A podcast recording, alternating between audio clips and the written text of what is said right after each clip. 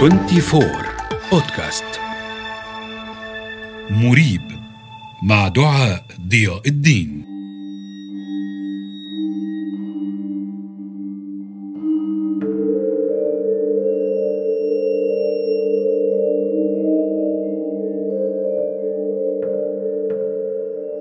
مقبرة ملعونة. تتحرك فيها التوابيت أرعبت من عاصرها وكل من سمع عنها حتى بعد مئات السنين.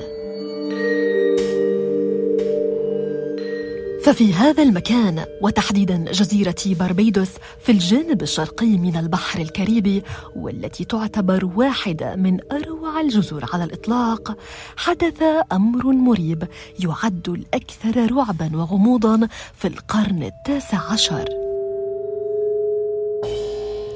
فأهلا بكم في بودكاست مريب. أنا دعاء ضياء الدين وسأروي لكم الحكاية من البداية.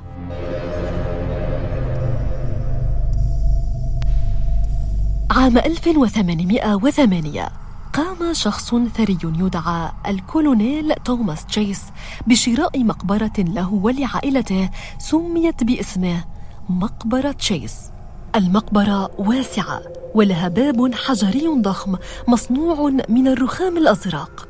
ولكن كان بداخلها جثمان لسيدة هي زوجة باني المقبرة الأصلي التي بناها عام 1724 صاحب المقبرة الجديد الكولونيل توماس تشيس قرر عدم إزعاج السيدة والإبقاء على جثمانها الذي لم يبقى بمفرده طويلا.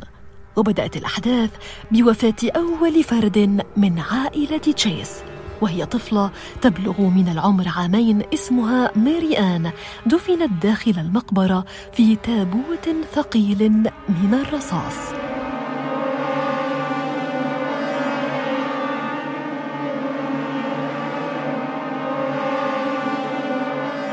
وبعد أربع سنوات توفيت دوركاس شقيقة ماري آن الكبرى في ظروف غامضة وقيل إن سوء معاملة والدها لها والقسوة عليها دفعتها إلى الانتحار بتجويع نفسها حتى الموت.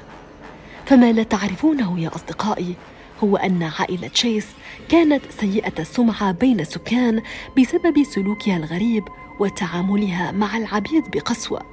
دفن دوركاس داخل المقبرة في تابوت معدني ثقيل أيضا إلى جانب شقيقتها الصغرى.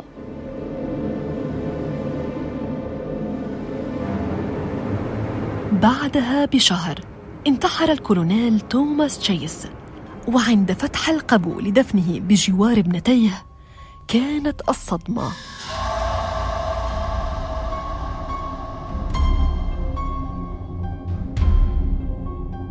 فالتوابيت موضوعة بطريقة فوضوية ومقلوبة رأسا على عقب بالرغم من وزنها الثقيل جدا. كان يعتقد في البداية أنها نهبت على يد لصوص المقابر ولكن لم تكن هناك أشياء ثمينة فيها للسرقة. كما أن لوح الرخام الثقيل جدا المستخدم لغلق المكان لم ينقل حتى من مكانه. وعلى الرغم من كل هذا الغموض وضع تابوت الكولونيل تشيس وأغلق المدفن.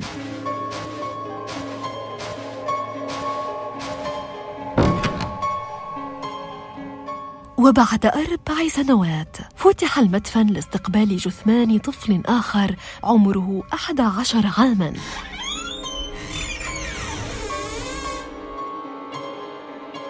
ومرة أخرى كانت الصدمة. التوابيت منقولة من أماكنها والمكان فوضوي. الكلام حول هذه الواقعة المريبة بدأ ينتشر في جميع أنحاء الجزيرة وسط حالة من الخوف والتساؤلات. وبعد 52 يوما فتحت المقبرة لدفن جثمان آخر. وأيضا وجدت التوابيت منقولة من أماكنها حتى أنه قد تحطمت بعض الأجزاء منها. والأغرب من كل هذا أن هناك تابوتا وحيدا لم ينقل من مكانه لدرجة أن الهيكل العظمي لصاحبته ثومازينا جودارد كاد يخرج من مكانه. أتذكرون؟ نعم. إنه جثمان السيدة الذي كان موجودا منذ البداية في المقبرة والسؤال الذي ربما يخطر ببالك الآن هو هل تخفي هذه الجثة لغزا وراءها؟ أم أنها ضحية أسرة تعيسة تتصارع توابيتها داخل المقبرة؟ أم أن هناك قوى خفية تتحكم في المكان؟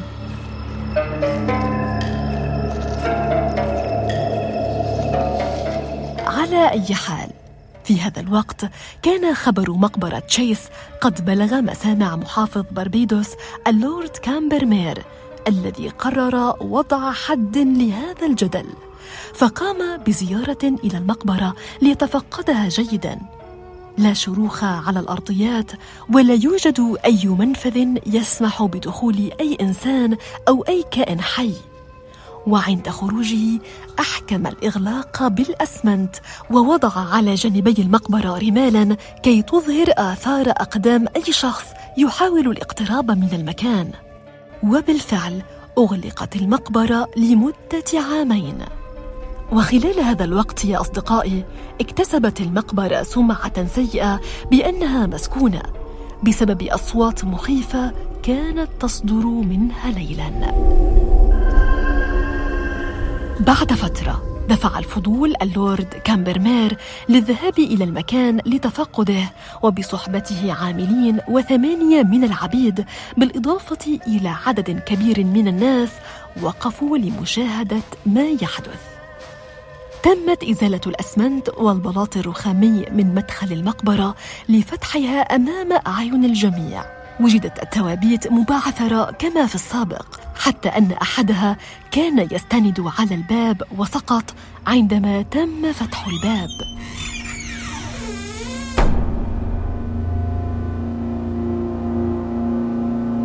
والسؤال الذي يطرح نفسه هو كيف وضع الفاعل التابوت خلف الباب بهذه الطريقة وخرج؟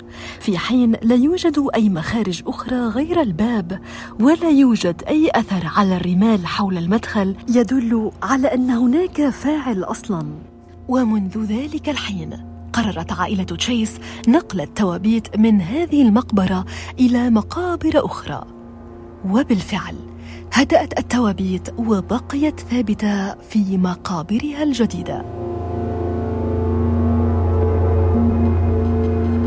واليوم يا أصدقائي مدفن جيس ما يزال موجودا ولكنه فارغ من التوابيت منذ حوالي 200 عام. لكنه محتفظ بلغزه المرعب الذي لم يعرف له تفسير حتى يومنا هذا تماما كقصة القميص المسحور التي سأرويها لكم الأسبوع المقبل. إلى اللقاء.